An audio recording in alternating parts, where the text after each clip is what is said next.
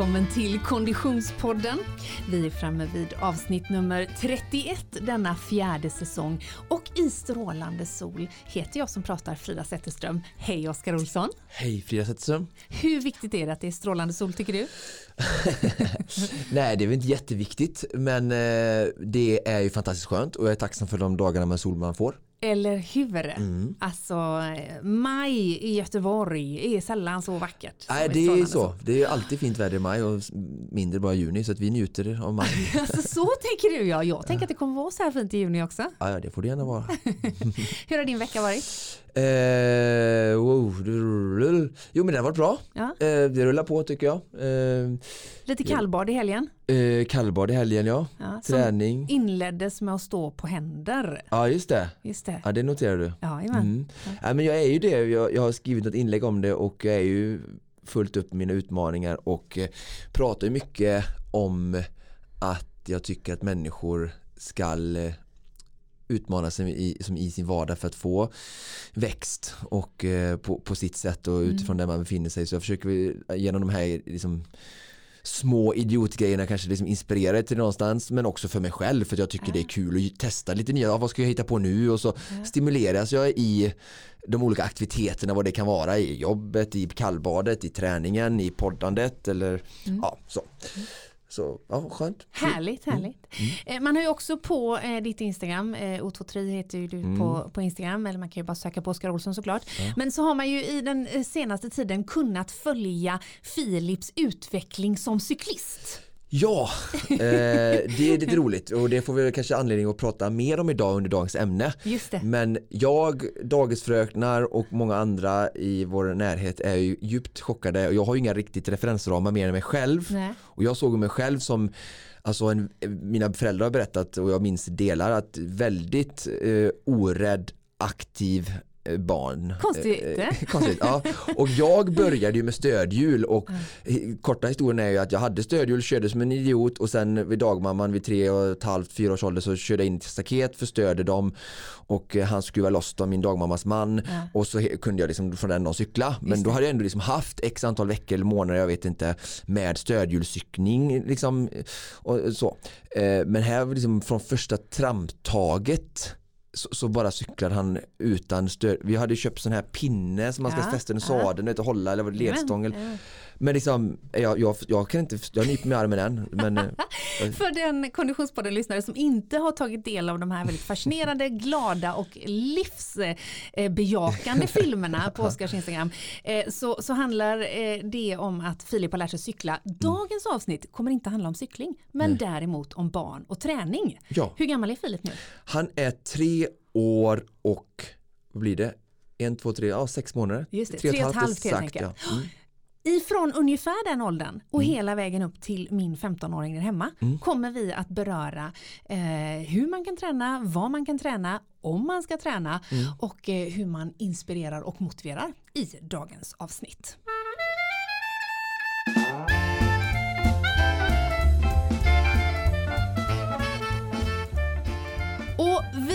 Ju så sjukt glada att ha med oss våran poddpartner Stadium under hela den här säsongen, Oskar. Ja, för då får man anledning att göra massa armhävningar och det älskar jag. Så jag bara väntar på när vi får göra några mer roliga saker här. Exakt så, exakt så. Mm. Ja, det kan nog komma och kastas lite sånt din väg. Mm. Men du, Stadium eh, har ju ett eh, gigantiskt utbud av både träningsartiklar men också träningskläder mm. för eh, både killar och tjejer naturligtvis men också ett väldigt stort juniorsortiment. Mm.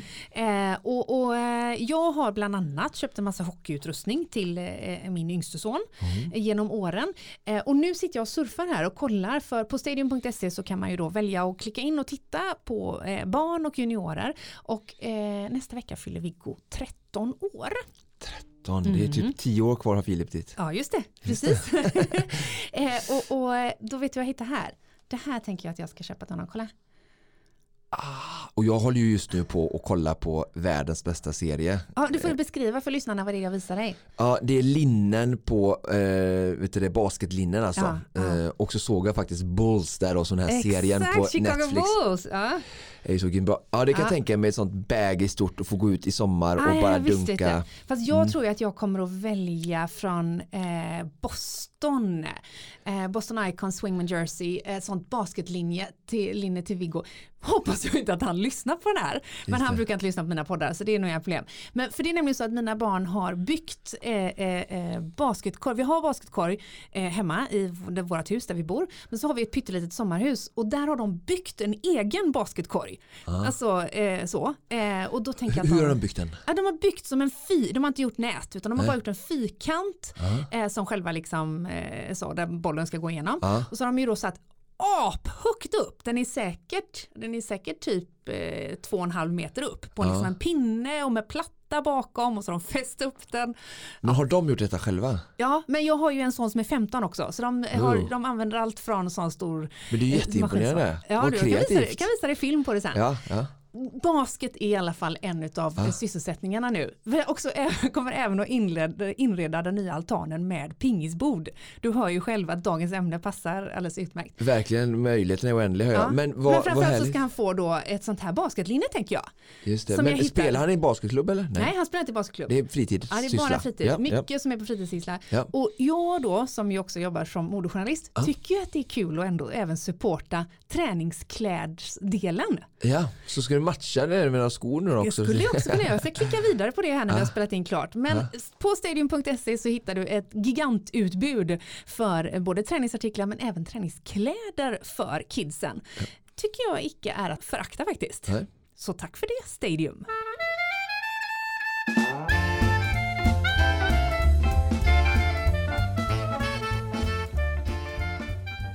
Mm, jag, ska se, jag har tagit fram här nu Oskar, ska du få se.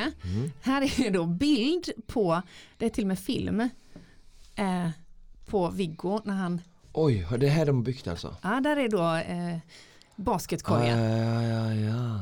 Du får beskriva vad det är du ser. Ja, de är, alltså det är ju det, man får, det är som en träram de har gjort med stöttepelare och så är det trä, gjort med träring eller Ja. liksom, ja som en fyrkant. Men det, och så är det en planka bakom ju liksom, just så det, ser ut, det- funktionaliteten är ju en basket. Ja, ja, ja. Det här är ju nämligen då ett utav knepen som jag och min man tar till för att eh, kidsen ska röra på sig. Att de får då, eh, kommer de på att de vill bygga en basketkorg eller ett pingisbord var det förra sommaren, så go ahead. Eh, och så är, jag ju väldigt nervös och vänder mig om när de använder den stora sågen och allt sånt där. Ja, ja, ja. eh, Men för att någonstans, det blir ju rörelse bara i själva byggnationen såklart. Men också för att det eh, motiverar ju dem till att hålla igång. Där kör en sån snygg, han dribblar med, mellan benen liksom, sig visst, så vet du. fint där. Ja, ja. Du ser ju själv, du fattar ju att det där eh, eh, basketlinnet eh, måste ju vara on fleek för att han ska gilla det. Ja det hade man älskat. Det är kul, Jag- när jag var den åldern, vi, vi byggde ju bara kojor i skogen och sen så byggde vi lådbilar Just det. innan motorintresset tilläts med 15 års ålder. Just Men det. innan dess, så det är kul, kul att se att barn ändå snickrar än idag. Ja, det snickras väldigt mycket. Men det är dock inte eh, varken basketkorgskonstruktioner eh, konstruktioner eller snickeri som vi ska fokusera på. Utan snarare det man sen gör med den eventuella basketkorgen eller pingisbordet, det vill säga rörelse för barn. Det här är ju ett ämne som både du och jag brinner för och har lite olika infallsvinklar i. Eh, kanske framförallt för att våra barn är olika gamla och för att du professionellt jobbar med det och jag bara har en passion som förälder. Eh, och för att man har varit barn. Ehm, Men det här är ett spännande ämne verkligen. Ja, verkligen ligger mig nära om hjärtat. Mm. Vad är din, när, när, när du liksom hör så här, träna med barn, vad får du för, för bilder och tankar då? Just det. Eh, två saker. Det ena att eh, barnen är vår framtid. Mm. Och nummer två att de är i vårat våld. Mm. Alltså att det är helt och hållet upp till oss. De är så fast i oss. Alltså om jag vill gå och köpa en glass nu eller jag vill eh, sälja min bil, köpa en ny bil. Jag är så fri på något sätt. Men Ja. barn är så himla beroende av vad vi ger dem för förutsättningar, för tid, för uppmärksamhet, för möjligheter. Mm. Så det är min andra som kommer till mig då, liksom hur viktigt det är att vi människor, eller vi vuxna eller föräldrar då, eh, gör allt för att skapa ändå möjligheter och frihet så mm. långt det går då. För, ehm. förebildsrollen är en del där då, antar jag? Eh, absolut, alltså det är ju väl i all pedagogik mm, eh, mm. generellt att alltid leva som vi lär såklart. Eh, och som förälder då. Eh. Man skulle ju också kunna tolka in där då att det följer med en hel del orättvisor i, i barns eh, möjlighet och förmåga att, att, ta till sig rörelse eh, eftersom vi har ju ändå ett samhälle där alla inte växer upp med samma förutsättningar. Ja, eh, det håller jag med om delvis men jag vill ändå då, jag och några av mina vänner eh, som liten växte upp med extremt eh, ehm, små medel så att säga mm, mm. ekonomiskt ehm, i familjen och ehm, om jag jämför med liksom standarden på de mm. många idag även i segregerade områden och var alltså den ekonomiska standarden mm. i ett mm. segregerat område nu mot någon på 80-90-talet kunde ju vara ett liksom nästan medelklass alltså allting har ju mm. höjts ändå liksom, yep. på något mm. sätt så jag vill ändå säga att eh, vi, vi kokade i så fall eh, soppa på en eh, mm. På en spik för att få till rörelsen Ehm, jag kommer ihåg att jag redan som fem eller sexåring var med pappa på, han hade en sån eh, fem kilometers runda. Mm. Ehm, eh, som han sprang alltid han kom efter jobbet för att han sprang tre, fyra gånger i veckan. Mm. fem kilometer tog mm. mellan 24 och 30 minuter kanske, jag vet inte. Eh, bara för att hålla igång sig och så har han alltid gjort. Men det var, alltså, han var väldigt tidigt eh, som han eh, fick med mig i, mm. i det. Och det kostade ju noll kronor.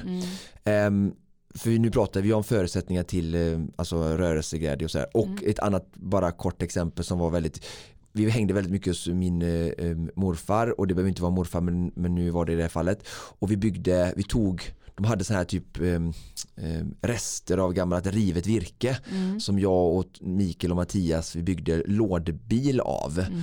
och så liksom satt vi ju en eller två i den och så puttade andra och vi körde och voltade ner för backar och allt möjligt liksom, två puttade och extremt fysiskt både att bygga men sen framförallt att liksom åka på utflykt med den här lådbilen när vi skulle putta liksom mm. och den var ju också sån liksom noll noll kronor ja. och så, så. Så att jag vill bara säga att eh, jag kan, jag, jag, jag, jag, jag, på ena sidan, vi ska inte bli långrandiga det, men ena sidan så är jag väldigt ödmjuk för det du säger för jag lever ju i samhället och hör ju den debatten. Sen kan jag uppleva bara så att min åsikt bara personligen är att vi mer nu än förr lättare tar på oss offerkoftan Absolut. och sätter upp begränsningar att de här har så mycket pengar så det är mycket lättare mm. för dem och så sitter de med lite pengar i hörnet och jag är uppvuxen i en familj där vi aldrig ens tittade på dem som hade mycket mer pengar och möjlighet utan vi Men, såg vad vi hade. Jag måste bara ja. förklara att det jag menar med det var också att inte alltid att eh, liksom, eh, man är förfördelare eller icke förfördelare vad det gäller ekonomiskt utan Nej. jag tänker att som barn så har du olika förutsättningar i föräldrars engagemang till exempel. Ja. Eh, och, och, där tror jag det kan spela en väldigt stor roll också. Självklart. Eh, huruvida du har föräldrar ja. som, som ställer upp som, som coacher i det lokala fotbollslaget och vad det får för effekt i din egen utveckling i relation till eh, att du har föräldrar som, som inte gör det. Och det, det grundar sig mer i den problematiken att vem som helst kan skaffa barn. Och det har jag ju sagt att man ska införa, införa körkort för att ens få bli förälder. Just det, just det. Men det är en annan debatt. Men det är en annan debatt. Eh, dock som ligger tämligen eh, nära eh, dagens ämne. För dagens ämne är alltså då att träna med barn.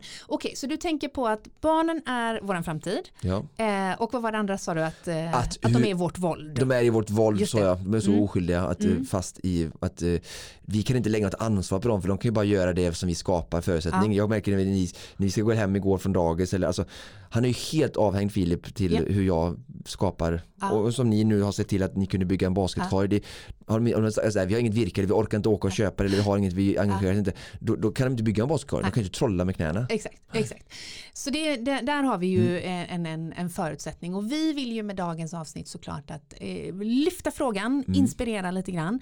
Mm. Eh, och vi kommer då att beta oss igenom åldrarna för det är klart att man ska eh, vara uppmärksam på att det är väldigt stor skillnad att ha då som eh, Filip 3 och halvt eller som min äldste son Hugo som precis har fyllt 15. Mm. Det är ju eh, två olika ingångsvinklar på vad rörelse både har för betydelse men också vad man behöver göra för att motivera kanske.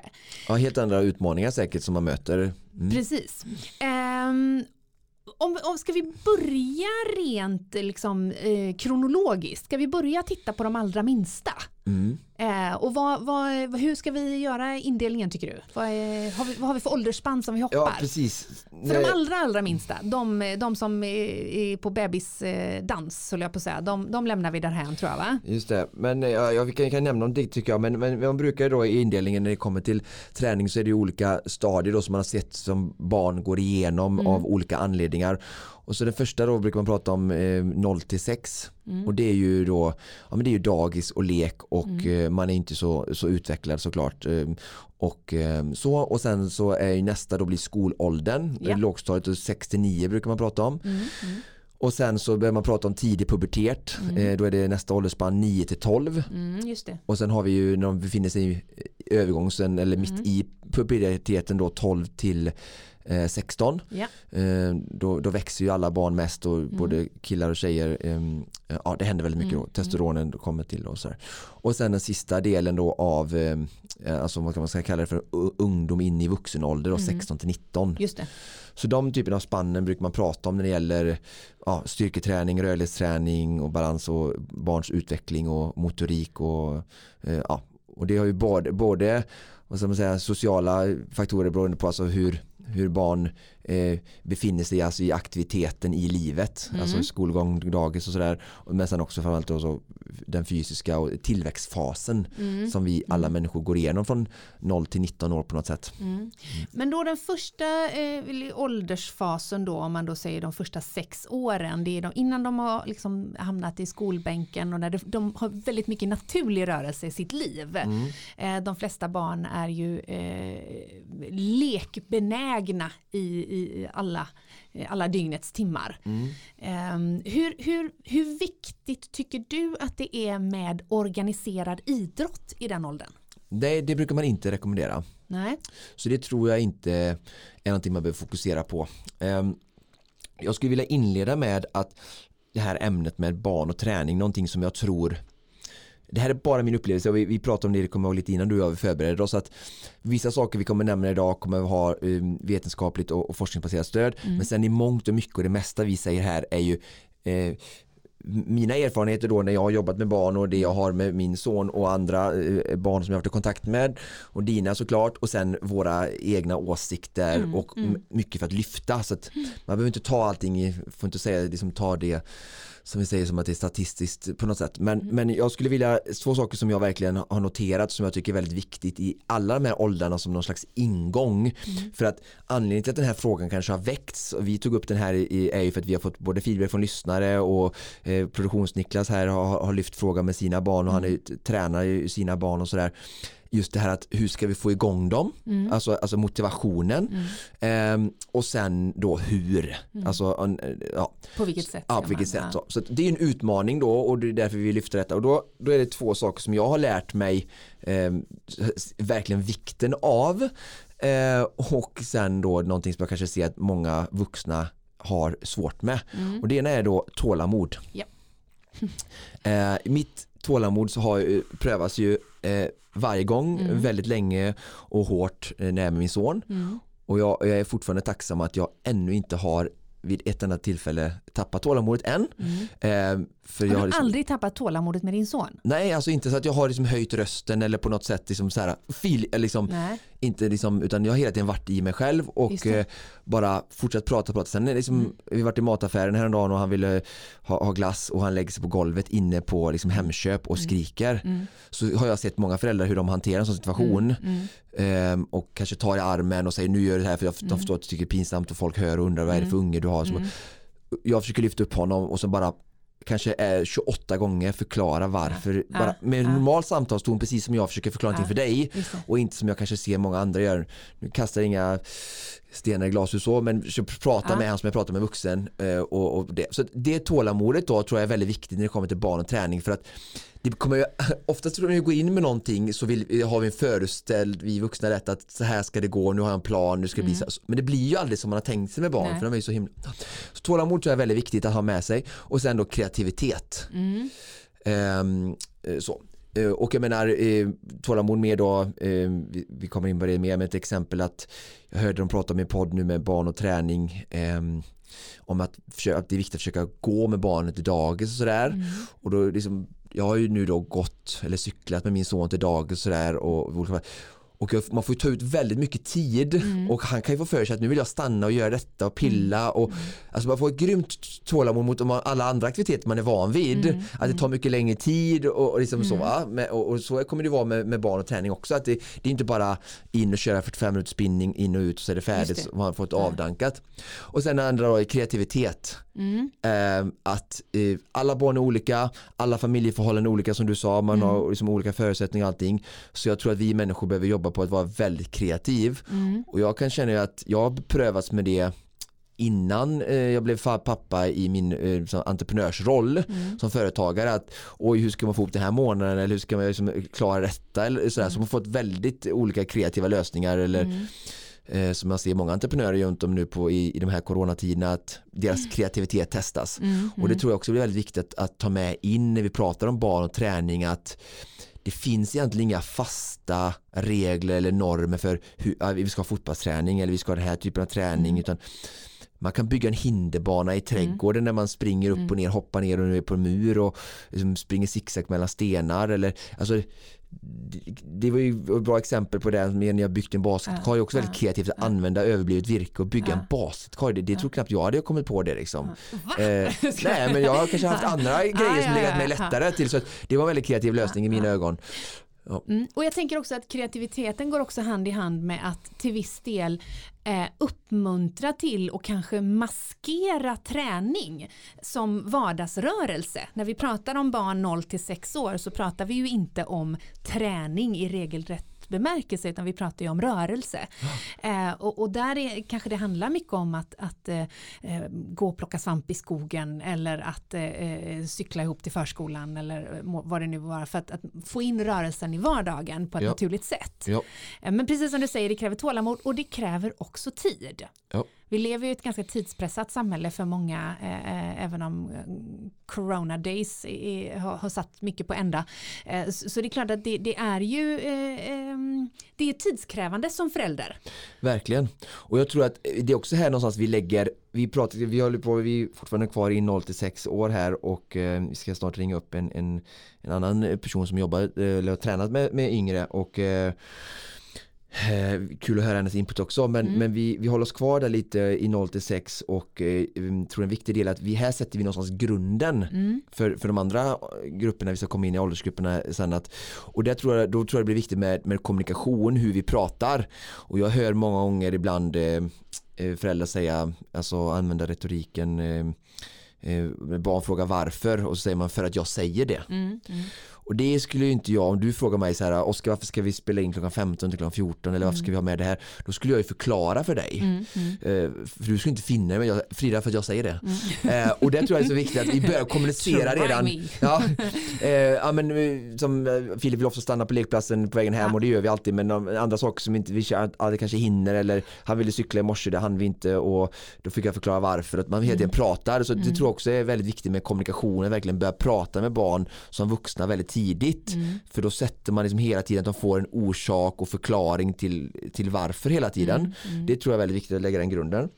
Um, och sen som du sa, tror jag det är helt riktigt att um, um, vardagsmotionen som du säger, alltså mm. alltså de här aktiviteterna, lekarna, lekplats räcker ju egentligen bara att gå till. Och jag tror att det, det är en utmaning vi ser som händer och som de tittar på det i en forskargrupp eh, som jag har följt här lite nu senare som händer när vi börjar skolan och som skiljer sig att 0 till 6 år så tror jag att det inte är så svårt att motivera barn Nej. till lek för de har ganska få eh, eh, det, Ehm, jag märker det, Filip han har ju fått testa iPad såklart och mm. få titta det på det ibland när jag lagar mat och vid vissa tider det är helt okej okay och sådär mm. så länge vi har rört på oss först och, så, och mm. sådär. Mm. Ehm, och jag tror att det är nyttigt att de får liksom hålla på med iPad, det har jag inga mm. problem med. Men det är ju fortfarande inte så att han väljer iPaden för att få cykla. Ja, så motivationen tror jag, alltså problematiken kommer nog senare. Mm, Så att i början tror jag 0 till 6 när det gäller bara barn och träning att sammanfatta att här räcker det bara att de får vara ute och hoppa. Och jag ser han, han får testa sin motorik, sin balans, eh, bara att springa och leka eh, på en lekplats. Eh, cykla behöver man inte lära sig så tidigt som Filip och det kan ju komma senare. Eh, men det är väl också en bra aktivitet liksom att, att gå och cykla till, till dagis och sådär. Så det tror jag nästan räcker. Och sen då att de är ute och leker på dagis på dagarna på ett annat sätt än de är, gör när de är 6 till 9 eh, när de kommer in i skola och blir mer stillasittande och ska ju faktiskt sitta i skolbänken och lära sig saker men på 0 till 6 så är det ju bara egentligen leka som, som gäller alltså fysiskt och så då. Men det kan ju då ändå vara så att i den här åldern 0 till 6 så kan de få stöta på rena träningsövningar. Ja. Eh, vi ska nu ringa upp en tjej som heter Chris som jobbar som PT. Hon är verksam i Uppsala och i morse så hade hon ett träningspass med de riktigt små. Ja, det är Chris. Hej Chris, det här var Frida och Oskar från Konditionspodden. Ja, men tjena. Hur är läget? Jo då, det är bra. Nu ska jag hämta mina barn igen. Okej, Se om de har över, överlevt dagen. det får vi väl hoppas. Hur gamla är dina barn? En fyller snart fem och en är två och ett halvt. Okej, bra. Oskar, de är ganska små. De är ganska små, men det passar perfekt. Eh, eh, Oskar och jag gör ju ett avsnitt om att träna med barn. Ja, Eh, jag såg det. Så himla bra. Ja, men det är så kul och vi har ju precis blivit tipsade om att du har kört ett träningspass här nu på, på eh, dagen till ära med de riktigt små.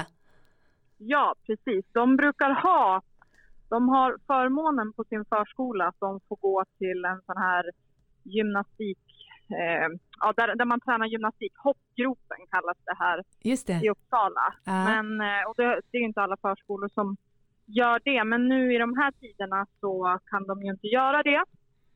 Och då eh, erbjöd jag mig, som ändå har ett portabelt gym och håller, jobbar ju som tränare utomhus också i de här tiderna. Ehm, så då sa jag, men då kan jag hålla ett träningspass. Spännande.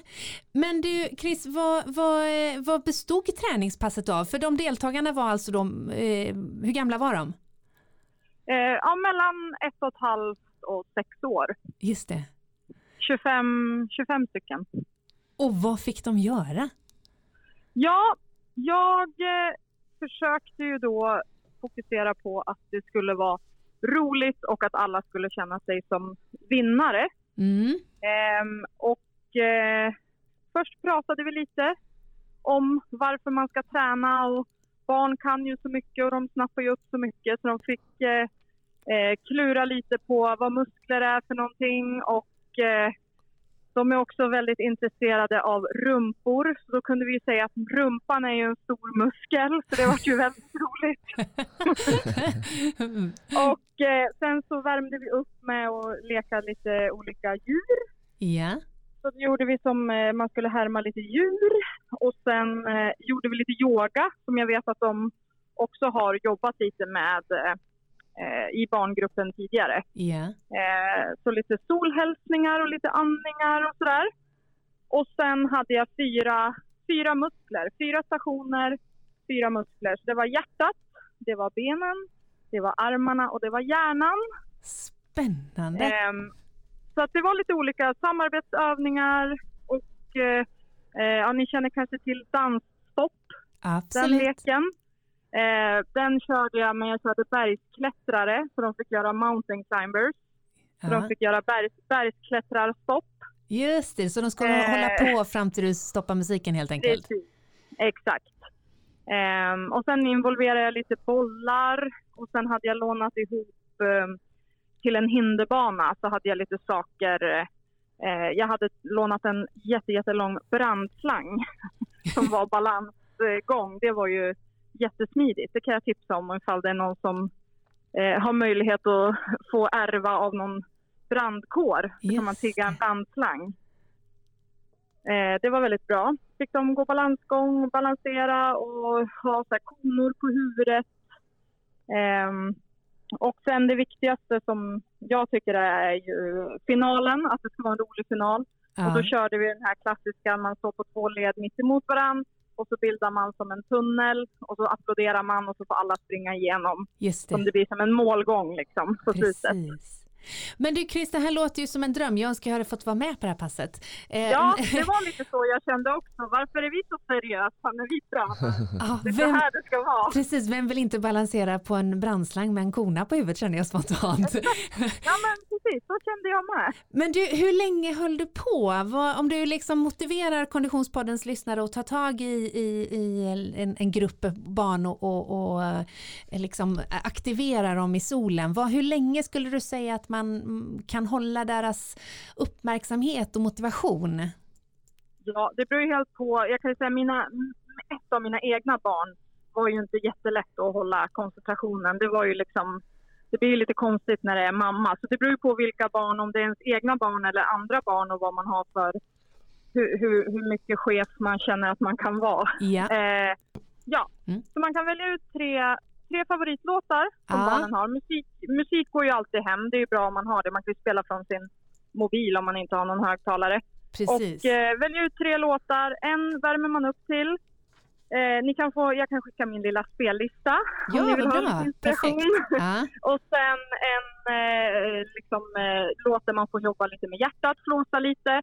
Och jag tycker det är viktigt att de får känna att hjärtat slår. Det sa jag liksom efteråt. Känn nu känner, känner ni hjärtat? Man känner på bröstet och känner ah. hjärtat. Ah. Eh, så att de förstår vad som händer när man börjar andas lite snabbt. Och sen eh, så kan man ju göra då om man har möjlighet till någon hinderbana eller balans eller klättra eller vi gjorde armhävningar. Det är ju barn jätteduktiga på. Mm. Eh, Oskars favorit, burpees, är ju också en jättebra. Det är en jätterolig barnövning, verkligen. Ah. Eh, plankan, krypa, krypa under varandra. Mm. En står i planka, en kryper under, hoppar över. Mm. Så tre, tre låtar. Jag körde, jag utgick från 30 minuter och sen så blev det lite, det var ju inte full fokus i 30 minuter, det var ju lite lek emellan. Så ah. det tog väl, tog väl 45 minuter totalt. Just det. Men, eh, men korta sekvenser och viktigt att man är med som vuxen också tycker jag.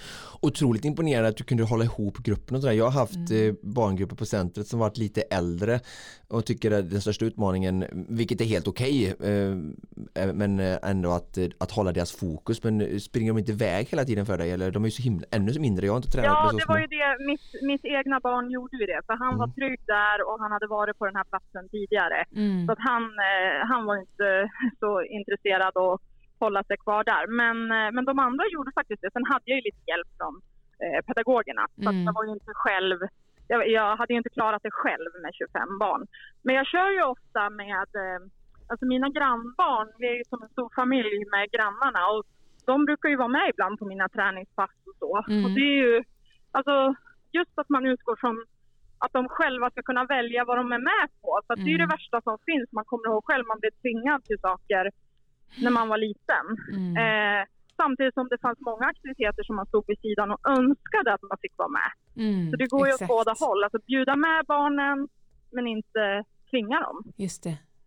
Otroligt inspirerande att höra och jag ser det här träningspasset framför mig och än en gång alltså balansera på en brandslang med en kona på huvudet. Alltså I'm game. och så hade vi många sådana här miniband som jag hade med som de skulle ha som eh, eh, att de skulle samla ihop alla minibands, ta med sig dem på hinderbanan och när alla minibands var ihopsamlade då var det liksom klart. Så Just det går ju att använda mycket, man behöver inte ha speciella barnredskap. Nej, just det. Hade Precis. lika gärna kunnat vara kottar men nu var ju vi bara på en gräsplan så det fanns inte så mycket, mycket saker som låg där redan Mm. utan jag var ju tvungen att ha med. Mm, mm. Det är ingen brist på inspiration förstår vi eh, och det är Eller otroligt, kreativitet. Nej, det är otroligt motiverande och inspirerande att höra det Chris. Eh, jag misstänker att om Konditionspoddens lyssnare eh, skulle vilja komma i kontakt med dig och, och få lite mer specialtips så kanske man kan kontakta dig på Instagram eller? Ja men visst, precis. Häng med och träna. Underbart, häng med och träna är eh, Ja. det man söker på eh, och vi ska också se till att länka via våra sociala medier. Tack så Och det hemskt vore ju mycket! kul. Jag tänker, ni borde ju uppmuntra. Det är säkert flera idrottslärare som lyssnar och, och Ja. pedagoger. Eh, de, har ju, de har ju massa inspiration till roliga övningar och sådär. Ja, Eh, jag är ju bara en, en glad förälder och eh, personlig tränare. Jag har inte så mycket erfarenhet. Eh, så att man får jättegärna eh, lägga upp det på eran, Ja eller tagga er eller sådär. Det vore ju kul att samla lite övningar och bästa, bästa barnträningsövningarna. Precis, vi får, vi får bilda ett forum helt enkelt. Eller vi är ju Ja, ett så forum ju, redan. Oskar får ju köra igång med sonen där lite, lite challenges. Exakt! Burpees går neråt i åldrarna. Ja, ja, ja, ja, det går, det går, det går. Ja. Underbart! Tack så hemskt mycket Chris för att vi fick ringa Ja, upp dig och eh, Ingen fara. hälsa kidsen på förskolan. Ja, då. Ja. tack så Kul att höra från dig. Mm. Ja, ha det bra. Hej då, hej då. Ah, vilken energi du! Du fattar ju varför jag känner henne. Ja, för hur, hur, hur har ni träffats? Vi studerade ihop i, i USA. Okej. Så att eh, det var ju, blev ju lätt så, även om vi såklart träffade många amerikaner så var det ändå så att vi eh, svenskar eh, kom i kontakt med varandra också. Ja. Ehm, så vi hängde en hel del och läste på Santa Monica University där nere. Underbart, Mm. mycket inspirerande. Eh, och där sätter vi punkt i första ålderssegmentet känner jag. Då har vi Mm. gått igenom 0 till 6 år och går nu in i eh, eh, åldersspannet 6 till 9. Många av barnen, det är stora förändringar i barnens liv. De har eh, börjar skolan, eh, byter miljö, de kommer kanske till en mer stillasittande vardag i mångt och mycket. Ja. Vad ställer det för utmaningar på eh, träningsscenario? Ja, eh, nu har ju inte jag några barn i 6-9 år så nu ska jag väl eh, passa mig då. Jag sa ju det till dig också innan vi pratade om det här avsnittet att förr innan jag hade barn så fick jag alltid höra du Oskar du bara vänta tills du får barn. Och jag bara nu har jag fått barn och jag har visat att det går ändå tycker jag. Men inte än 69 har jag inte bevisat än. Men det jag kan tänka mig och som jag ändå ser eh, och och jag har ju kompisar och vänner och bekanta och familj i andra åldrar så är det väl elektronik eh, såklart som tar ett större och större eh, här distraktion och eh, ja, alltså gamification överhuvudtaget är ju, alltså mänsklig, människan eller företag har varit väldigt bra på att utveckla eh, ett intresse hos barn. Jag, menar, jag hade också tv-spel, jag vet inte riktigt varför det har blivit så, det får man kanske prata med någon annan om. Jag kommer ihåg jag fick min första eh, konsol heter det väl när jag var 10 år gammal. Men och det var jättekul vi kunde sitta och varva eh, Super Mario och sådär. Men det var ju aldrig så att det var roligare än ehm, än att vara ute och bygga koja eller så. Och nu ser jag ju att det kommer mer och mer den här då, den tjänsten finns ju för att det finns ett behov då att, att föräldrar kan styra internet med sin telefon. Så jag har varit med om, jag var hos min frisör senast så, så ringer sonen som är åtta år hem eller nio år och säger mamma kan du sätta på, jag kan inte spela mitt tv-spel för att då har det liksom timmen eller liksom den avtalade tiden för, för, för data gått ut. Så försöker ju barnet så göra allt som för att det här portalen ska öppnas upp igen då. Så att det tänker jag bara rent spontant att det är en jättestor utmaning alltså som, eh, som distraktion att de har någonting annat. Vi då när jag var kanske om 6 till 9 som vi befinner oss i nu eh, så hade jag definitivt ingen spelkonsol eh, och det fanns inget, inga distraktionsmoment på samma sätt. Så det är ju såklart en större utmaning och eh, samtidigt är det ju en, en, eh, ett, ett, eh, ett förhållande som vi får lära oss eller ett, ett, ett rådande omständighet som vi får lära oss att förhålla oss till som föräldrar att det så är det. Eh, och vi har alla varit med och skapat det eftersom vi har konsumerat och bidragit till den utvecklingen. Så då krävs det säkert lite mer tålamod och lite mer kreativitet som jag sa än att som för pappa han behövde ju bara egentligen öppna dörren Japp. och, och oroa sig om vi ens kom tillbaka.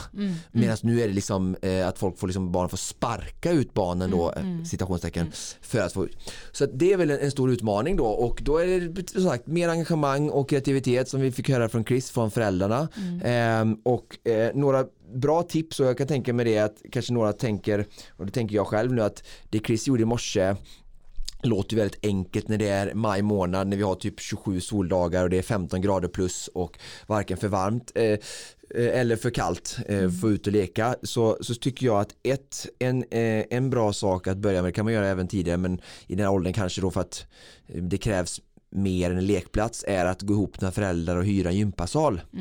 Eh, några, någonting som jag vet rekommenderas eh, från liksom, ja, eh, forskning och sådär men även som jag har sett föräldrar göra eh, lyckosamt. Eh, så att, alltså, att hyra en, en gympasal där det finns väldigt mycket alltså, roliga leksaker för fortfarande så pratar forskningen mycket om vikten av att hur, liksom, och det ska det väl liksom ända upp till i alla fall 16 års ålder att hur eh, träningen ska hela tiden ha roliga inslag. Ja. Och, och Det är samma sak som att jag försöker göra maträtter till Filip när det gäller grönsaker som också är en utmaning såklart som, som träning kanske för barn. Att Mm. göra det på ett roligt sätt. Mer än bara så här, nu ska du äta det för att jag säger det eller det är så. Jag försöker, försöker skoja till maträtterna eller jag försöker Mm. vara med och han är med själv och lagar mat med mig eller ja, skapa intresse då. Och det är samma sak där om man har en, en, en hall så kanske det är lättare Alltså jag tänker så här, många föräldrar säger nog så här att nu stänger vi iPaden, nu får ni gå ut och leka. Ja. Och då tänker jag så här, shit vad, vad vi gör det enkelt för oss. Och bara, för, för det första då så vet jag ju själv när min son har sommat på kvällen när jag läst boken. Och så, bara, och så får jag den här timmen eller två för mig själv och det är helt tyst och jag kan göra vad jag vill och kan pula och kan tvätta och, det, och ingen som rycker armen och vill leka och sådär liksom. Så jag förstår ju hur man lätt kanske slinker dit och att "Nej, men nu måste ni ha fysisk aktivitet och träning och ni måste röra på det för det har vi ändå vuxna förstått så va. Och så säger man gå ut och lek och så finns det lite grejer där men det är nog väldigt svårt för kanske barnen att hantera det då. Och då är det så här, ja, men hyr man en, en, en eller två gånger i veckan och går ihop med några föräldrar. Eh, jag vet där jag bor finns det ju som en, en hall som ofta är, är ledig, eh, alltså en liten gympasal då.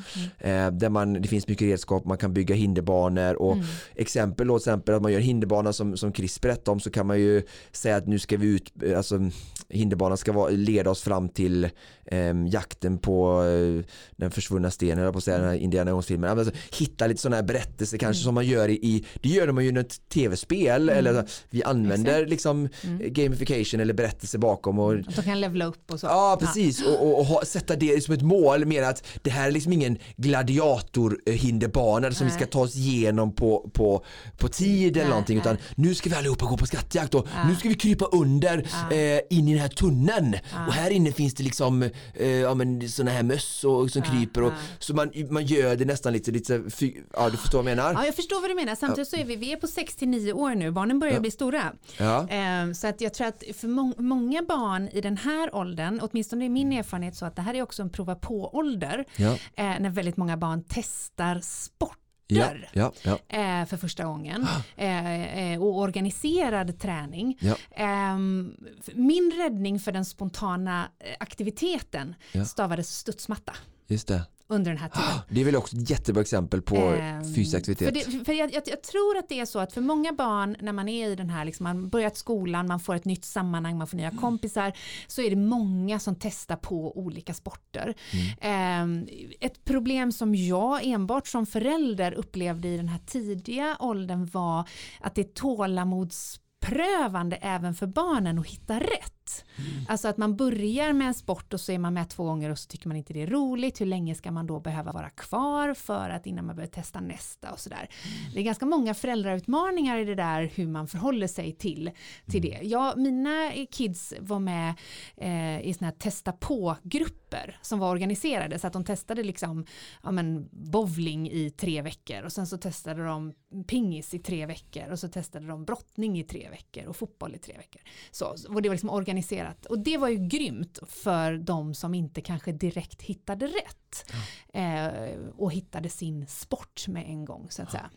Det jag pratar med eh, hinderbanan och det här eh, eh, i de åldrarna också är ju för att det, man ser fortfarande vikten av att få jobba med motorik och styrketräning eh, på ett organiserat, eh, mer och mer organiserat sätt. Och där är många alltså, idrotter de testar som inte eh, alltså, räcker till att det blir väldigt enformigt bara göra det. Så jag tror att ändå att man, barnen behöver ha kvar den här rörligheten och andra aktiviteter där vi med studsmatta tror jag absolut är ett, ett bra exempel också till skillnad Ja. från en gympasal eller som ett komplement eller annorlunda eh, alternativ för att också de ska få röra sig på ett, på ett annat och inte så monotont sätt för man pratar fortfarande om i den här åldern hur viktigt det är att få, få jobba med balans och motorik och koordination och kroppens rörelser på ett väldigt liksom allsidigt sätt. De pratar mycket om allsidig träning i den här ålderskategorin och eh, jag tror att bara för att man tränar så vi säga 6-9 då innebandy första gången eh, två gånger i veckan så räcker det inte riktigt där. Och vi, om vi kollar då på vad rekommendationen är som kan vara kanske eh, bra att känna till så är det ju,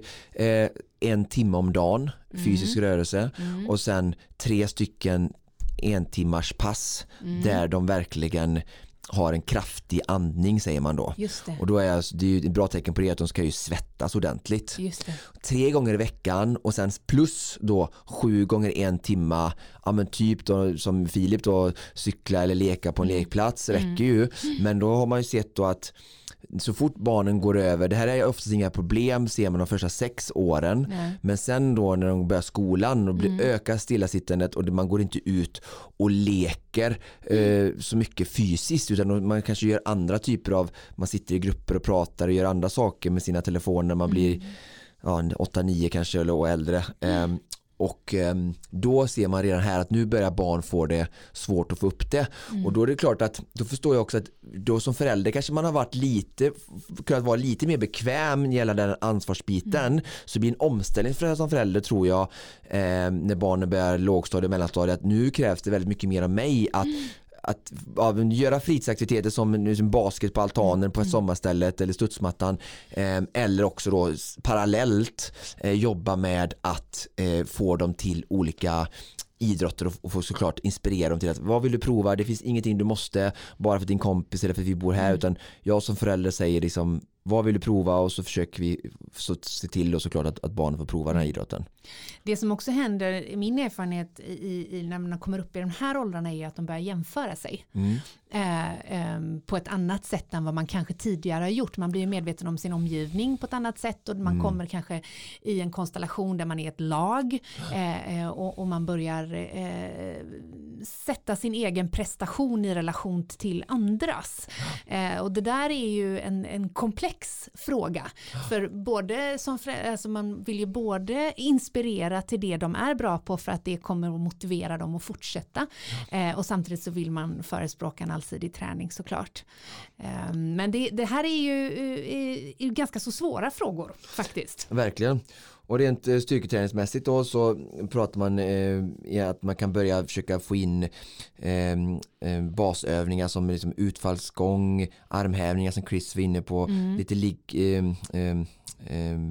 eh, sit-ups och, och sådana saker men fortfarande att ha en leka men att börja få in de här sakerna jag tror att vi har varit lite rädda att, alltså att vi har tänkt på styrketräning som att det är liksom massa vikter och det får man inte göra förrän man får förbi puberteten för det är så tunga vikter och sådär men det är något helt annat Eh, styrketräning finns ju i så många olika former eh, hoppa upp och ner på en låda är ju styrketräning med den egna kroppsvikten då När rekommenderar man att man börjar göra det? För det är, är det muskelbyggnation till viss del också då? Ja absolut. Ja, det börjar, när- när men, börjar nej, man men med det 6 till 9, man, man Ja. säger att man kan hålla på med styrketräning 0-6 också. Ja, men det ställer ju, alltså, i alla de här typerna av former så ställer ju väldigt höga krav då på eh, tränare eller, eller liksom på Mm. instruktören då att man hela tiden kan se att barn last, belastar rätt. Men Mm. man börjar prata om teknikträning i 6 till 9 och att då börja jobba med en pinne Mm. eh, och de olympiska lyften med knäböj och marklyft och, och sådär.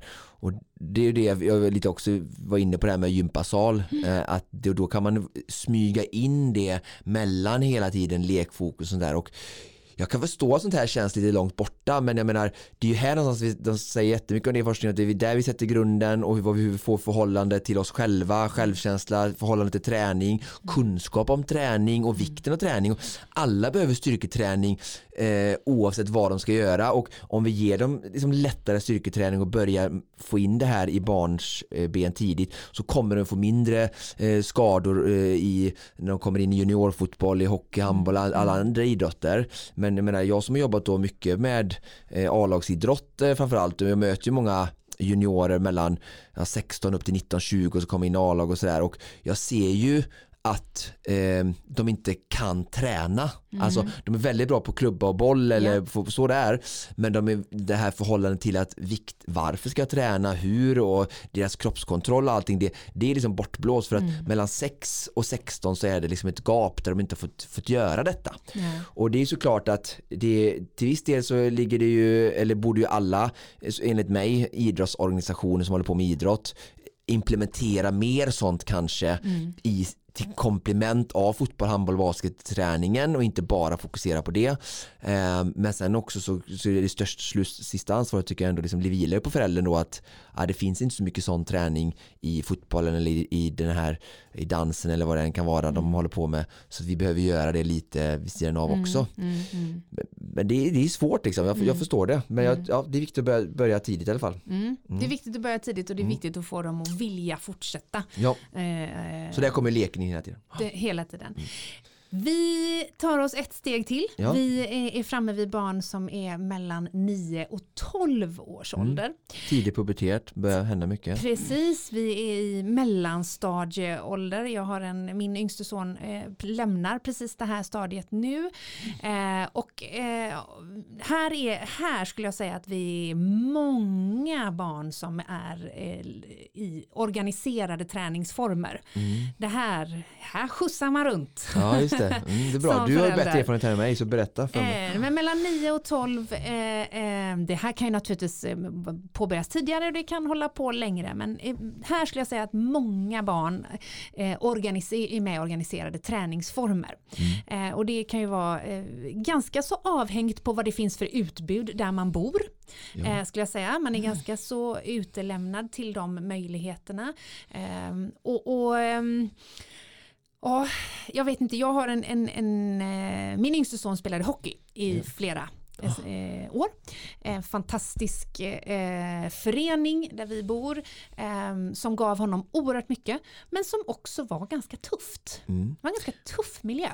Jag tänker att här börjar det, jag tänker fortfarande så här framför mig när jag ser ändå Eh, på ett ödmjukt sätt säger det, jag, vet, jag förstår att det har redan börjat men jag känner ändå när jag tänker på de barnen mellan 69 som jag har ändå kommit i kontakt med mm. att det går fort, de tycker inte det är så töntigt att träna med sina föräldrar eller man kan, om man bara är lite listig mm. sen när det blir 9-12 blir mycket svårare mm. att lura ut dem så här tänker jag här är ännu mera, liksom, här börjar verkligen utmaningen att hur får jag ut dem? Mm. Har, du berättade om att ni hade idrotter och jag tänker att vi ska försöka ta in produktionsniklas här snart som mm. pratat lite om utmaningen att få ut dem. Hur, hur, upplevde du, hur har du upplevt att få ut dem eller har du liksom någon gång sagt så här har du fått sätta gränser? Eller Absolut. Har du fått, ja. Absolut. Och jag tror så här, det, jag tror att det är otroligt viktigt att vara sann mot sig själv mm. i vad man själv har för arv med sig in i sitt, eh, i sitt föräldraskap. Eh, dels vad man är för en förebild själv. Mm. Eh, ehm, den gamla klyschan, barn gör inte som vi säger, barn gör som vi gör. Mm. Eh, den där kommer man aldrig ifrån. Det Nej. är så enkelt. Eh, eh, det går inte att prata om att släpp skärmen och, och, och, rör på dig om du bara hela tiden står med mobilen. Då är du fast i den, i den situationen. Så den, den gamla klyschan att, att man måste faktiskt vara en, en, en aktiv förebild, den är, den är ändå sann. Ja. Eh, men, men ehm, och, och, när jag går tillbaka till min egen eh, situation så är jag väldigt påverkad av att jag växte upp under eh, eh, ganska hårt drillade omständigheter. Just det, du är gymnast. Ja, precis. Jag är, min, min pappa var ju gymnastiklärare, eller idrottsdirektör som det hette, på ett högstadie. Eh, så han, var, han var idrottslärare på dagarna och sen så var han eh, eh, elit spelare i bandy på kvällarna. Mm. Så det var idrott 100% eh, och min syster och jag var gymnaster och min syster blev sedermera väldigt, väldigt framgångsrik.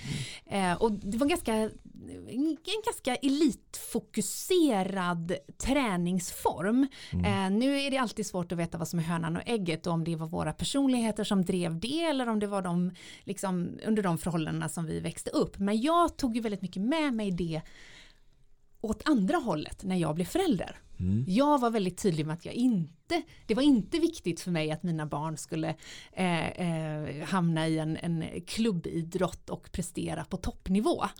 Eh, jag vet inte om det var en motreaktion mot min egen eh, uppväxt eller om det bara var, liksom, det var så, det var liksom, det var så, min ingångsvinkel var inte att det var jätteviktigt att Hugo och Viggo hamnade i topplagen. Liksom. Men det liksom. gjorde du aktivt för att du trodde att det var det bästa eller? Ja, jag, ja, det, jag tycker det är lite svårt ibland att hålla isär vad jag har gjort aktivt och vad man egentligen har Ja. liksom känslomässigt styrd av. Men jag Ja. kan konstatera att det inte är någonting som varken jag eller min man har drivit särskilt hårt. Att de skulle bli framgångsrika inom sina respektive idrotter. Och hur, hur är er framgång, eller Har det blivit framgång Ja. med det eller inte? ja, precis, funkar er, Ja men alltså eh, till viss del skulle jag säga att det funkar. har ni haft rätt coronataktik? som alla frågar Ja. sig. Nej men jag vet inte, det är lite så. Jag befinner mig mitt i, i, i föräldraskapet också så det är svårt att analysera en, en pågående process. Men, jag, Jo men om vi tänker att Ja. eh, utmaningen har varit att, att få dem till rörelse. Ah, Sen är okej. alla föräldrar säkert med om att det spelar ingen roll vad de rör sig, mina barn kan göra vad de vill Mm. men bara att de kommer ut. Har, har ditt, för du pratade lite om att Mm. ja, mitt förhållningssätt eh, att inte använda samma som jag hade och min bakgrund och sådär. Mm. Och har det då hjälpt dig? Är det någonting du vill skicka ut till våra lyssnare att ja, men det här är rätt taktik för att få dem att röra sig? Jag lyckades, de sitter inte vid Ja, datorn. Nej, det, nej det, det, den hatten kan jag inte ta på mig. Mina barn sitter jättemycket vid datorn och, och älskar det eh, och är, är väldigt, eh, tycker det är jättekul att spela olika spel. Och inte för att dator är dåligt men Nej men, mm. men, men precis, och de, det, det har jag fått lära mig och fått jobba väldigt mycket med min egen bild. För jag, hade, jag spelade ju aldrig den sortens spel när jag var liten, det fanns ju inte. Eh, och det har jag fått lära mig att respektera att min, framförallt min äldste son är, är väldigt intresserad och tycker det är roligt. Sådär. Eh, men jag känner någonstans när vi kommer upp i de här åldrarna 9 till 12 år som vi pratar om nu så är det dels fortfarande naturligtvis rörelse i vardagen som är viktigt men jag tror att väldigt många tampas ju också med idrott i olika former. Eh, alltså där det inte bara är för att röra på sig utan för att man eh, får ut andra saker av föreningslivet eller av liksom att bli eh, en, en eh, Eh, duktig pingisspelare eller eh, och så vidare. Och så vidare. Um, och jag vet inte om jag sitter på något framgångsrecept. Jag tror ju väldigt mycket på att lyssna på kidsen och försöka se vad de går igång på. Men jag ser också att det finns en, en viss problematik. Jag tänker på när vi intervjuade Musse i förra avsnittet, eh, avsnitt 30 här, säsong 4. Så bara i en liten passus så nämnde han ju som en analys på varför han trodde att vi tappade många barn. Förvisso lite senare, efter 12 års ålder, var ju för att han ansåg att det till viss del var för hård elitsatsning för tidigt. Att det, det det. skulle kunna skrämma bort barnen. Och jag, i erfarenhet av den situationen som var med hockey, så vet jag att det var en bidragande faktor. att de slutar. Ja, det var en bidragande faktor. Nu är det personligt just för honom, men där ställer man ganska så hårda krav på eh, träningsnärvaro för att kunna vara med och spela match eh, och eh, utveckling. Eh, och och ehm, det tror jag kan skrämma bort en del barn. Faktiskt. Och samtidigt det, finns en inbyggd problematik för att mycket av idrotten går ju ut på att tävla. Mm. Eh, och för att tävla så måste man träna och Ja. tävlar man vill man vinna. Så det Och alla är andra inte... barnen som är där ofta vill ju Ja, så det, det här är inga enkla frågor men, men eh, jag, jag tror att i de här åldrarna 9-12 år så tror jag ändå att breddidrott måste vara ett framgångskoncept och då är det ändå glädjen som i mångt och mycket står i fokus. Eller bör stå i fokus i alla fall. Men äh, återigen till min fråga är lite som jag inte riktigt fick svar på än. Mm. Ja, okej. Eh, jag vill veta hur konfliktsituationen uppstod. Alltså, för nu är vi, vi är fast i det här då, utmaningen att få ut dem om vi säger att det är Mm. det som är lite frågeställningen i avsnittet. Hur kunde en sån konfrontation se ut och vad använder du för taktik eller vad, har, Mm. vad har du mött? Ja, men då, eh, om vi håller oss kvar i 9 till 12, Mm. för jag har ju en även i nästa åldersspann då, han som är 15 och som har en helt annan situation. Eh, han som är 9 till 12, han har haft en väldigt stark drivkraft att testa på. Mm. Så där har det snarare handlat om att du får inte också börja i parkour om du spelar pingis och gymnastik och hockey. Ah. Så det finns bromsa då ju. Så där har det mer varit bromsa just den aktiva idrottandet. Men det, det är ju bara kanske två, en Ja. till två timmar per Ja. dag. Ja, Resten sitter han ju gärna framför en skärm. ja. Ehm, och där, där har det nog varit, studsmattan är fortfarande ett framgångskoncept. Ja. Nu har vi de förutsättningarna att bo där det finns en studsmatta i närheten. Ehm, men men eh, jag tror ju rätt mycket på att sätta regler. Mm. Du får gärna spela i två timmar nu men sen måste du gå ut. Eh, och när de blir så stora så är det ändå, där har du möjligheten att ställa krav på barnen att aktivera sig. Mm. Sen kan ju det vara så här, du, har, du får en kickpike, Mm. varsågod. ja. Då, jag kan hjälpa dig att bygga ett hopp. ja. Det har jag inte behövt göra, Nej. för de hjälper mig att bygga ett hopp möjligtvis. Men, men eh, ehm, där, där, jag tror ju rätt mycket på regler faktiskt.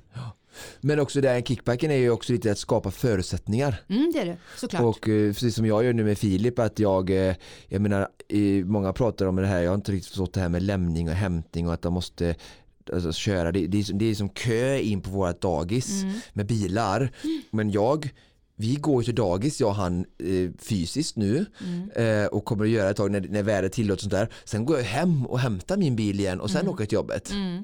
Eh, och jag behöver, det, allting handlar om att jag får gå upp i tid. Han vaknar ju alltid tidigt. Så att, sen när barn blir äldre så får men, men jag tänker, det ju, då har jag ju skapat den förutsättningen. Mm. Och samma sak, eh, eh, Filips mamma, hon har ju fått, eh, hon kan ju inte springa som jag kan jämt cykeln. Så att hon har ju köpt sig själv en sån här eh, spark, eller ja, sån som du pratar om, kickback då, för att kunna vara med också så han kan cykla. Och så så det, det, det du är inne på med, det är ju skapa förutsättningar, det krävs lite aktivt av föräldrar att liksom skapa de här förutsättningarna då. Om inte studsmattan finns, vad kan vi titta på istället då? Absolut. Eh, Så att de kan gå ut, inte bara stänga av datorn och säga ut och lek. Nej. Nej men precis. Hjälpa dem lite på traven menar jag. Ja, liksom. ja men Ja. helt rätt, verkligen. Och det här det blir ju större och större utmaningar ju äldre barnen Jo, blir förstår i just gå ut och lek. Ja. Verkligen. Eh, och samtidigt så följer det ju med större utmaningar följer det också med eh, eh, mer ansvar. Så att eh, det går ju hand i hand helt klart. Det är det min pappa, min pappa alltid säger, ju, ju äldre, större barn, ju större bekymmer och ju dyrare bekymmer eller vad man säga. ja, ja, till viss del. Det har han sagt till mig i 30 år. Säger Han fortfarande. har väldigt dyra bekymmer med dig nu. exakt 35. Men Ja. vi ska ta in Ja. eh, producent Niklas Vi vill som höra faktiskt om befinner sig eh, både i en eh, utmanande situation men också i rollen som tränare. Inte ofta han får komma in till mikrofonen nu för tiden. Hej Niklas, Hej, hur är läget? gött. Du, vi är, har ju nog avverkat ålder 0 till 6 år, 6 till 9 år och är framme i 9 till 12 och ska snart gå in i 12 till 16 år. Du är ju pappa till tre barn i just de här åldersspannen. Hela vägen. Hela vägen. Hur gamla är dina barn? Ja. Eh, får tänka efter här då. eh, nio, snart 13 och eh, 15. Just det. Mm. Och hur mycket rör de på sig? Alltså, jag tycker ju att alltså, de, de har ju aktiviteter. Mm. De tränar ju mycket. Mm. Men de tränar väldigt lite på egen hand. Mm. Och där tycker jag, där har jag en utmaning. Eller där har vi en utmaning. Mm. Jag har utmaningen i, i mitt förhållningssätt till det. Mm. hur, alltså varför eh, får jag dem inte till att vilja träna på egen hand? Mm. Sen har de sina aktiviteter, sina sporter där de, där de uppenbarligen rör på sig. Men det är ju inte den liksom, det är inte den här konditionsträningen som jag kanske tycker att man eh, skulle vilja se lite mer av. Mm. Varför vill du se mer av det? För jag tror att det är bra. Mm. Ja, man ser ju att de sitter ju stilla mycket Mm. när de är hemma.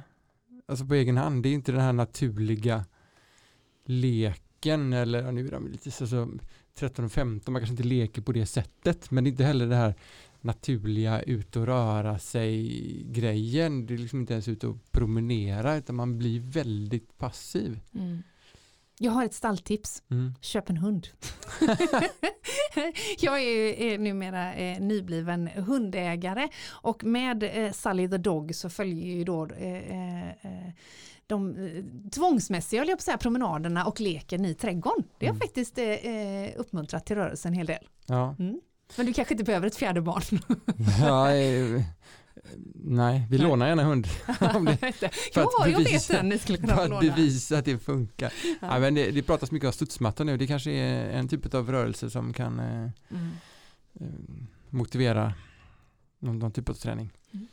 Jag försöker, jag sitter här bara i all ödmjukhet. Som sagt, jag har inga barn i den åldern så jag kan inte riktigt veta. Men så försöker jag ändå någonstans bara, det är det som kommer till mig när jag hör dig prata nu är så här eh, reflektera över hur jag hade det Mm. när jag var i dina barns ålder då. När jag var 15 så var det enkelt för då, då gick jag upp i vikt för då fick jag moppe liksom. Men när vi pratar bara fram tills dess så var jag aktiv och rörande på mig. Eh, och då så här, på vintern Eh, för du ser alltid alla svenskar liksom, oh, men det är så lätt att prata nu för det är maj och fint väder. Mm.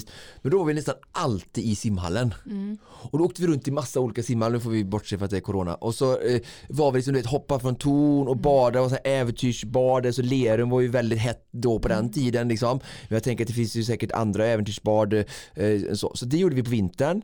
Eh, och sen på sommaren, då var vi ute, då var det liksom eh, cykla och sen då, jag täv, eller, höll på lite och tävla med så här inlines men, men många gjorde det bara på skoj. Men vi åkte väldigt mycket så här, du vet, inlines, old school, eh, åkte till ramper och, och jag vet ju nu att det finns ungdomar håller på med så här BMX, BMXer, det finns en sån här ramp har jag sett som eh, eh, Filis mamma var med och, och vet du, ritade faktiskt bakom vet du, Katrinelunds gymnasiet där i Göteborg. Eh, och, Det är min och, och, yngste sons dröm att åka dit kan jag säga. för Ah. Ja. coolt. Eh, men så, så, så, cykel eh, och vi, när vi cyklade så cyklade vi bara för att det var så roligt. Vi hade, jag har 12 växlar, jag, liksom, nu pratar jag 12-13 då. Och, och, och liksom vi cyklade dit och så gjorde vi någonting där och så cyklade. Och det var ju mest här, friheten precis som jag upplevde att jag hade när jag var 18. Att det var som frihetskänsla att kunna få röra sig fritt. För att när man har varit 69 så fick man ju inte så mycket typ sticka iväg själv och så.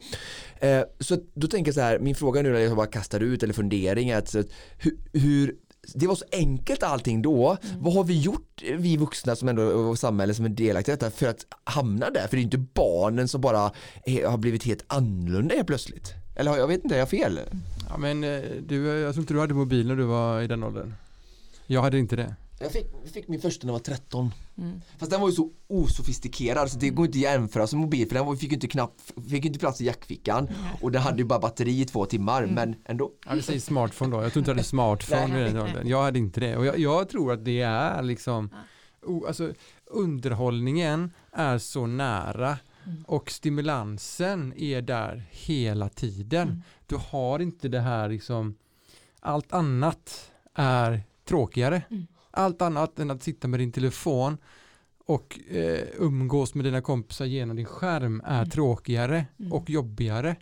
Så det, det, ja, det är min analys att det är den som har dödat liksom all typ av naturlig form av rörelse. Mm. Och jag ska säga, det finns säkert någon där ute som har koll på detta eller så har ni själva. Men jag, vet, jag läste en artikel för något år sedan någonting att om det var Facebook, inte Facebook-grundaren men någon som skrev någon algoritm där eller han som lärde det här med scrolla, att man med fingret eller om det var smartphone, iPhone eller har suttit på Google. Det var någon som utvecklare som är hjärnan bakom detta som sa, hade sagt i en artikel att han inte gå- han insåg så tidigt när de utvecklade detta att han vill inte ens ge sina barn använda detta i en viss ålder för att det var Ja. just det här faran såg till och med de som stod för tillverkningen då liksom. Men det handlar- ju delvis om att man får eh, eh, belöningssystemet tillgodosett eh, med, med, med, med direkt, direkta impulser och det, det finns ju naturligtvis massa forskning på det.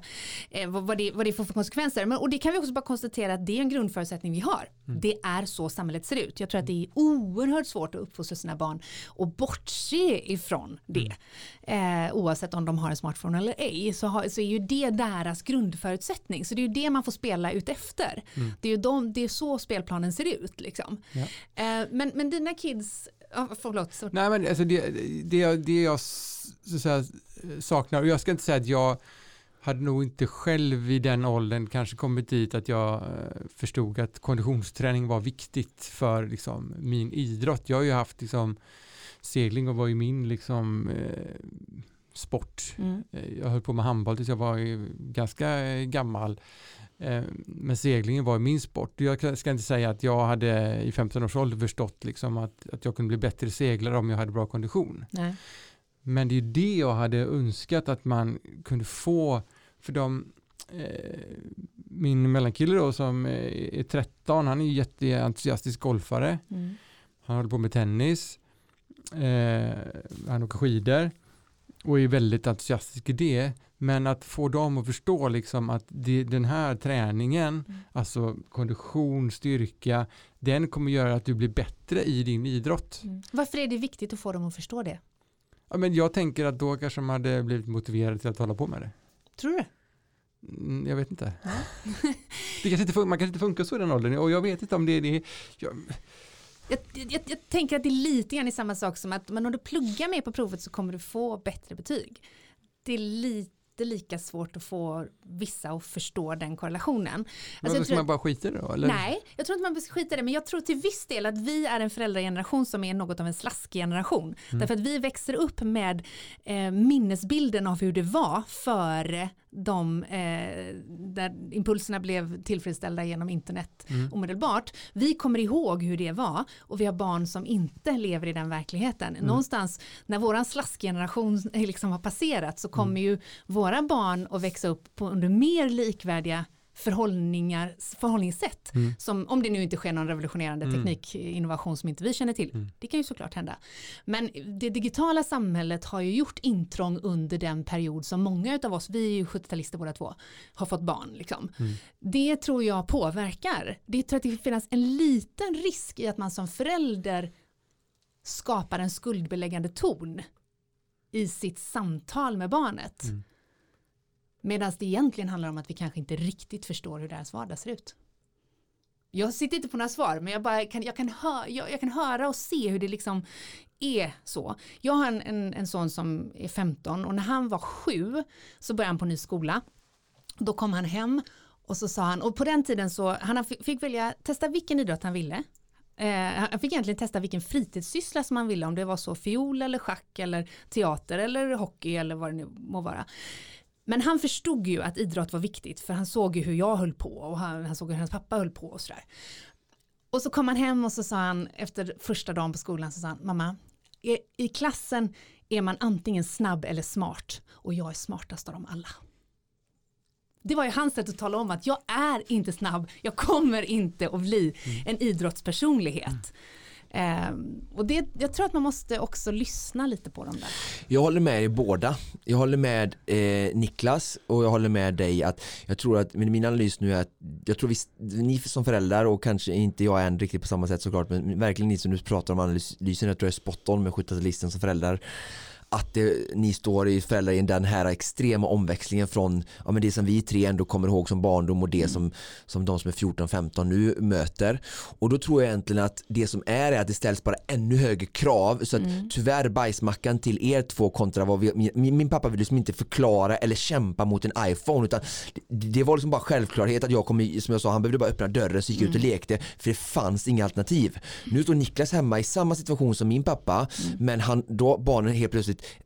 välja mellan ett och ett och det ena är lite kanske roligare, enklare, liksom lättillgängligare. Precis som vi alla barn, eller vi alla människor på något sätt kanske är lata eller väljer det som är lättast i mångt och mycket. Så då kanske det ställs ännu mer krav på föräldrarna att göra det som jag tycker att Niklas ändå gör rätt i och jag tror och jag märker ändå, jag hade fram, haft framgångsfaktor när jag har tränat de här barngrupperna, både alltså typ 6-10% men sen även i Pixbo Wallenstam där jag har haft eh, många eh, ungdomar i 17, 18, 19, 20 årsåldern som är grymt eh, testosteronfyllda och obstinata och väldigt eh, idrottsspecifikt fokuserade men har inte förstått vikten av den här alternativa träningen som är grunden till all idrott och verkligen det vaskulära eh, konditionssystemet i hela kroppen och sen eh, styrketräningen och rörligheten och det här då för att hålla sig borta från skador. Och jag har liksom efter gång efter gång och jag senast hade föreläsning med eh, fotbollslag i Kungsbacka med 15 till 17-åringar och förklarade liksom, jag bara tog ut, jag bara så här, vad ska jag göra? Jag tog ut Zlatan, för de fotbollsspelare, så bara pratade extremt imponerande fysik och berättar om, liksom, jag vet vad han, vilken tid och vilken, hur det funkar med hans pe- personliga tränare genom och hans karriär och vilken tid han har lagt på att få den fysiken för att kunna leverera, även om det bara är liksom 7-4 sekunder ibland av liksom maximal imponerande insats som han gör så är det så många timmar i gymmet och den här då situationstecken tråkiga men nödvändiga träningen som, som jag kanske fick som barn eh, när jag byggde kojor, jag hoppade, jag lyfte, vi spikade och grejade och vi puttade på en lådbil, alltså det är rena slädintervallen för längdskidåkare, alltså vi fick så mycket sån då träning som kanske Niklas slalomduktiga skidsatsande barn eh, skulle behöva eller seglare eh, vet jag att de håller på med eh, som komplement och det som han pratar om nu. Så att jag tror bara ni 70 får kämpa ännu hårdare med att förklara varför och fördelarna med att göra de här sakerna. Och du sa så här till mig eller här i debatten nu att ja, det är som att säga plugga mer så får högre betyg men Mm. det, det räcker ju inte där. Det är ett dåligt argument skulle jag tycka. Jag ska förklara varför är bra betyg är för det öppnar dina val, valmöjligheter, alltså gå ett steg längre. Har du jättebra betyg så kan du välja ännu mer Mm. Jo, på, jo. eh, Mm. eller förstår jag menar, ta lite längre där att, ja, men, jo men bara för att utveckla eh, liksom förklaringen och kommunikationen med våra barn om Mm. varför hela tiden de ska göra saker, inte bara så här ja, ja så. Så eh, var jättelång utläggning. Jag tänker att det enda vi behöver göra nu är att få dem att lyssna på Konditionspodden. Exakt Då så. är, liksom, då är vi hemma. Ja, jag jobbar också lite med tvång faktiskt. Ja. Du Frida, jag ska träna med Oskar här med 15 minuter så jag måste bara dra liksom. det. Det det är så nära nu så du kan nästan hänga med Frida i Ja. någon av våra bilar. Om jag inte hade haft en hel föräldragrupp som kommer att vara hemma hos mig om 45 minuter. Oj, ska ni träna? Nej det ska vi inte, vi ska prata om stundande skolresa. Men vi måste bara, en fråga till när vi ändå har eh, producent Niklas eh, i mikrofonrollen. Rollen. du har ju också den utmanande eh, och inspirerande eh, positionen som tränare för dina barn och dina barns kompisar. Jag misstänker att det ställer vissa krav i så här hur man motiverar dem. Mm. Alltså det här är ju nästan ett eh, avsnitt i sig. Ja det är Jag kan så. prata så mycket om detta. Ja.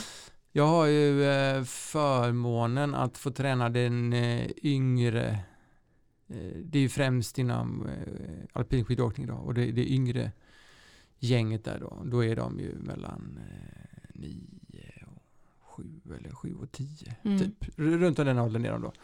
Det är ganska mycket lek och det, man kommer väldigt långt på det liksom. Mm. Att eh, ha, så länge de har roligt och ju tokigare lekar och ju tokigare det man kan Mm. komma på ju så lättare är det för dem att, att springa. Mm. Eller röra sig eller hoppa eller vad, vad de nu ska göra liksom. Mm. Så det är ganska, jag gillar den åldern för den är ganska eh, tacksam. Mm. Mm. Man får vara väldigt barnslig. Mm. Känner att det är ett Ja. argument eh, så gott som något faktiskt. Men det finns en, en aspekt i det där att vara tränande förälder och den Mm. är ju väldigt, tycker jag, utmanande och väldigt svår. Och Mm. tyvärr så bygger väldigt mycket på våra, eh, väldigt mycket av våran ideella idrott idag bygger på föräldraträning och det är en jättestor utmaning både för de som är tränare, för de som är barn till tränare, alltså åt båda håll, antingen så Mm. blir de liksom eh, privilegierade för att Mm. föräldern är tränare eller så blir de liksom ned, undanhållna Mm. för att det är det. Så det, det är en jättesvår utmaning tycker jag. Mm. Mm. Och då, där hade jag gärna sett att man liksom var mer kreativ och kanske hittade, jag förstår att det bygger på att man eh, som ideell ledare är med, men Mm. hade ju varit eh,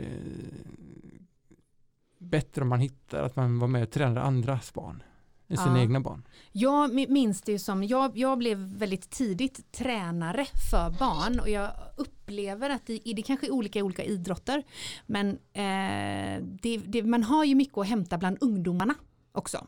Att få, eh, eh, när jag var i 16, 15, 16 års åldern så började jag ju träna småbarn. Eh, och fick ju ledarutbildning i det och där tror jag att eh, man har också en, en, en ganska cool eh, kan få en ganska cool roll och relation till de små barnen då eftersom man blir en förebild på ett annat sätt. Så är det i vissa idrotter. Seglingen till exempel, där mm, har vi Mm. bara jag, Ungdomsledare.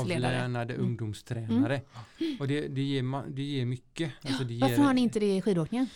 Eh, Kultur. ja, Och jag tror att det är samma sak Ja. i, Och det många- skulle jag ju, det, nu är jag ju såklart lite partisk och självisk i detta men jag har ju blivit anlitad eh, av vissa grupper och föreningar tack vare att det är föräldrar som har sett att vi behöver ha extern expertis och ta in för att eh, träna våra barn inte bara i den specifika eh, idrotten utan alltså just styrketräning och kondition ut efter deras förutsättningar där de befinner sig i åldersspannet och i, inför sin idrott då.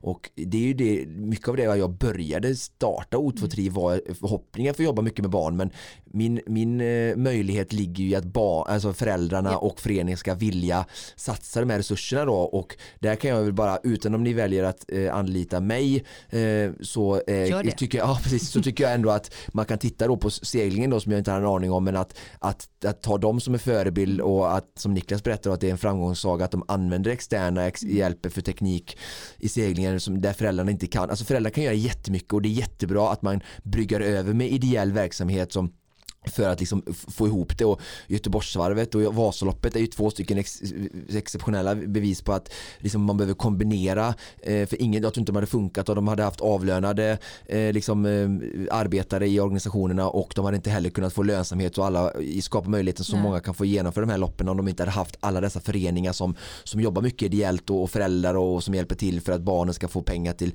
liksom, sin sport och ja, hur det är uppbyggt då. Så att jag tror att vi ska, det, och det tror jag som jag sa sa det, kultur, det är det som skiljer liksom då alpina till kanske där och jag vet hur det är i fotboll och det är bara föräldrar som tränar hela tiden med noll kunskap och de kanske är jätteduktiga revisorer eller åklagare eller eh, lastbilschaufförer och duktiga på det de gör men de har ju ingen kunskap om kroppen och fysiologin eh, liksom för att träna barn men ändå gör de det för att mm. det är så det alltid har varit. Mina vänner, jag inser att vi har öppnat Pandoras ask. Ja. Eh, det här, eh, vi ses hemma hos mig klockan 22 så ska vi öppna en flaska. Det här var ju då avsnitt 31 som mm. vi inledningsvis sa skulle täcka från 0 upp till 16 år. 19. Eh, eh, till 19 till och med. Ja. Vi har nu landat på 12. Ja. Vi kommer att behöva göra ett avsnitt till. Ja. Vi kommer att göra ett avsnitt om ungdomsidrott. Upp, uppfyller, uppföljaren kommer. Fortsättning följer med andra ord. Det är så det blir när det är en eh, otroligt intressant ämne. Så vi hoppas att ni en har fått er till livs. Intressant ämne. Eller ett intressant, tack så mycket språkvetare. Eh, jag hoppas att ni har fått er till livs lite information, lite inspiration och lite glädje kring barns träning i åldrarna 0 till 12 år. I nästa avsnitt går vi in på nästa åldersspann. Men det här var allt vi hade att bjuda på för den här omgången. Tack så hemskt mycket för att ni lyssnade. Precis som vanligt produceras Konditionspodden av Fredag. Connect Brands with People.